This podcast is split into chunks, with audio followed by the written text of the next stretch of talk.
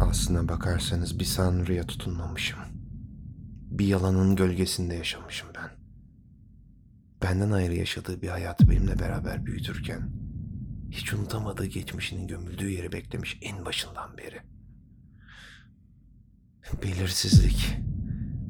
Olay mahallini kontrol etmeye geri gelen katilden ziyade seni yaşamla ölüm arasında dolaştıran elektroşok cihazı gibi. Beni de öldürdü Alaz Bey. Henüz gömmedi. Ve biliyor musunuz? Burası artık Araf. Bense sadece kendime teslim edilmeyi bekliyorum. Bu bekleyişte ondan öğrendiğim şey ise...